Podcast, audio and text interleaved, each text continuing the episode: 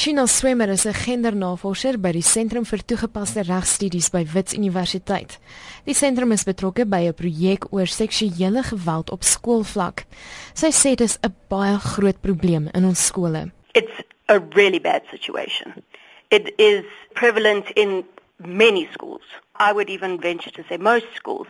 It's also problematic because of the processes around it and that we can't get the educators that are perpetrating the violence out. Sy sê hulle verkies om op skole te fokus want daar is verskeie voorvalle van onderwysergeweld teenoor leerders.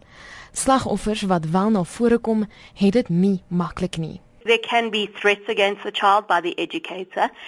In some circumstances in places where there's extreme poverty, educators pay the parents for their silence.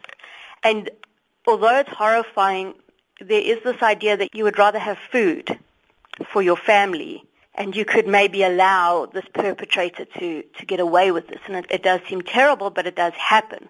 Sy sê kinders word dikwels nie geglo nie of hulle is te bang om daaroor te praat. Daar is tans twee liggame in die land wat oortreders vervolg.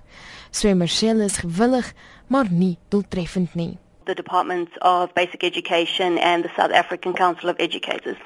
They overlap each other and they both run disciplinary hearings for the educators based on the misconduct. Die twee liggame kommunikeer nie behoorlik nie. The Department of Basic Education doesn't tell the South African Council for Educators that they have dismissed this educator based on misconduct that it was sexual violence So because of a failure to do that, you have the issue of these teachers re-emerging in new places.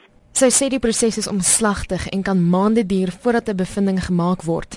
Die betrokke persoon hou intussen steeds skool waar die slagoffer skool gaan.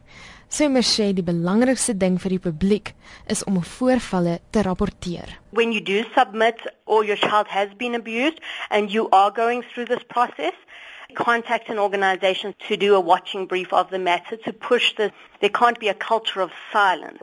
And when we see a boom in reports, they have to show that they're doing something about it. But a lack of report, they'll make the reasoning that there isn't a problem. Dit was Shina Swimmer, 'n gendernavorser by die Sentrum vir Toegepaste Regstudies by Wits Universiteit. Ek is Marlene Forsiefer, SABC nuus.